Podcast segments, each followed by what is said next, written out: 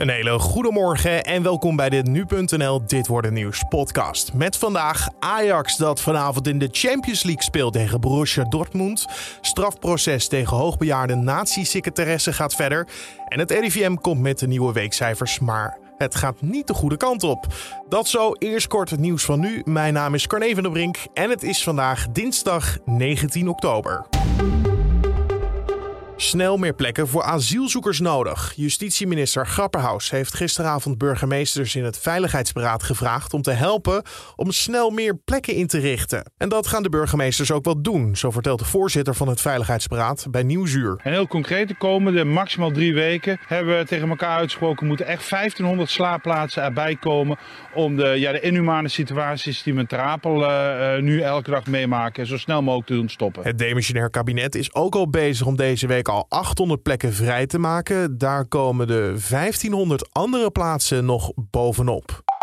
De eerste zorgpremie voor de basisverzekering is bekend. Zoals elk jaar is DSW de eerste die het nieuwe maandbedrag bekend maakt. De relatief kleine verzekeraar komt uit op een bedrag van 128 euro en dat is een stijging van ruim 3 euro.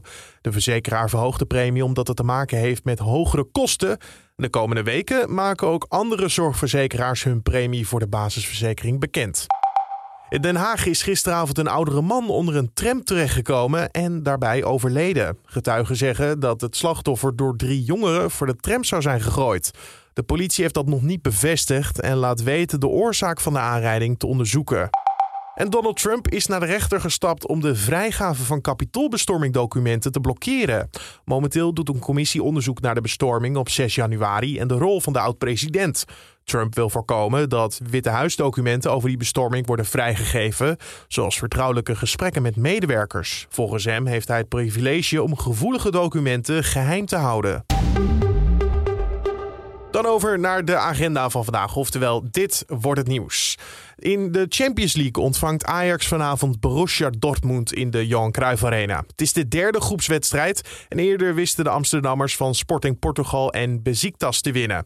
De club staat met zes punten bovenaan in groep C. En dat zorgt toch voor vertrouwen, legt onze sportverslaggever Riepke Bakker uit. Ajax is de club die uh, dit seizoen in de Eredivisie al 32 doelpunten maakte. Waarover Pierre van Hooydonk drie weken geleden nog zei... Nou, ze zouden wel eens de finale van de Champions League kunnen halen. Dus wat dat betreft ja, wordt het een hele interessante avond. Want uh, ja, we gaan nu echt zien hoe goed Ajax is op dit moment. Dortmund staat gelijk met Ajax in de pool wel met een iets minder doelsaldo. Er kan dus nog van alles gebeuren in deze groepsfase.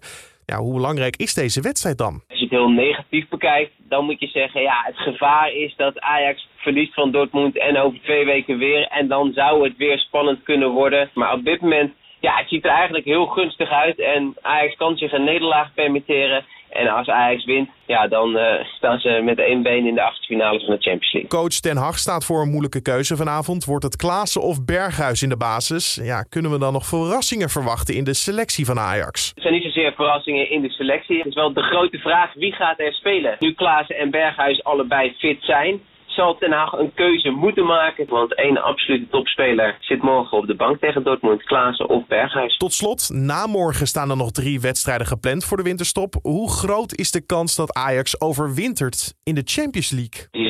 Uh, die is eigenlijk groter dan de afgelopen jaren. Je kunt nu zeggen, Ajax moet niet twee keer verliezen van Dortmund. Want dan kan het weer heel erg spannend gaan worden. En als dat niet gebeurt, ja, dan ligt de weg naar de volgende ronde uh, wijd open. De Champions League wedstrijd Ajax-Borussia Dortmund begint vanavond om 9 uur. En je hoorde sportverslaggever Riepke Bakker.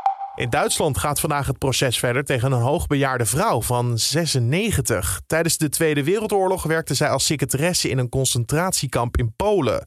Vorige maand probeerde zij nog te vluchten vlak voor haar proces begon. Maar later kon zij toch weer worden opgepakt. Ze wordt verdacht aan medeplichtigheid van de moord op ruim 11.000 mensen in een nazi-concentratiekamp in Polen. En het RIVM meldt vandaag hoeveel nieuwe coronagevallen er afgelopen week bij zijn gekomen. En dat aantal zal een stuk hoger liggen dan de afgelopen tijd. Het aantal positieve tests neemt namelijk de laatste weken flink toe. Gisteren werd bekend dat het grootste aantal coronapatiënten in het ziekenhuis zijn opgenomen sinds april. Dat blijkt uit cijfers van het Landelijk Coördinatiecentrum Patiëntenspreiding. Er liggen nu ruim 600 coronapatiënten in de ziekenhuizen. En afgelopen week steeg dit aantal al dagelijks. Van oplopende ziekenhuiscijfers naar mogelijk oplopende temperaturen? We vragen het aan Raymond Klaassen van Weerplaza. Het is bewolkt in Nederland en ook grijs en nevelig. Op veel plaatsen valt ook af en toe lichte regen of motregen. Met name in het noordwesten van het land kan er ook af en toe mist voorkomen. De aangevoerde lucht is wel zacht en dat betekent dat de temperatuur in de loop van de dag flink oploopt. Het wordt zo'n 17 of 18 graden. Later vanmiddag kan het in het zuidwesten zelfs even opklaren en mogelijk wordt het daar dan nog 19 of 20 graden. Er waait een matige wind uit het zuidwesten. Aan zee is de wind af en toe krachtig. Vanavond wordt het geleidelijk aan op meer plaatsen droog. Dankjewel Raymond Klaassen van Weerplaza. En om af te sluiten nog even dit. Actrice Sien Diels, die de moederfiguur speelde in Sesamstraat, is gisteravond overleden. Ze had een eigen winkel in de kinderserie waar de bewoners van Sesamstraat hun boodschappen kwamen doen. hey Tommy, daar zit statiegeld op. Hè? Breng die fles terug. Dag Sien. Dag Tommy. Ik snap er helemaal niks van. Wat is hij nu weer van plan? De Vlaamse actrice is op 74-jarige leeftijd overleden en ze speelde 36 jaar lang in Sesamstraat. Dus voor heel veel mensen jeugdsentiment. Dan zijn we aan het einde gekomen van deze Dit Wordt Het Nieuws podcast voor deze dinsdag. Dankjewel voor het luisteren. Zoals altijd kan je de podcast delen met bekenden en onbekenden. En natuurlijk een recensie achterlaten bij Apple Podcast. Om eh, de podcast nog zichtbaarder te maken voor anderen die nog niet ermee bekend zijn. Dankjewel alvast. Mijn naam was Carne van der Brink. En een hele mooie dag.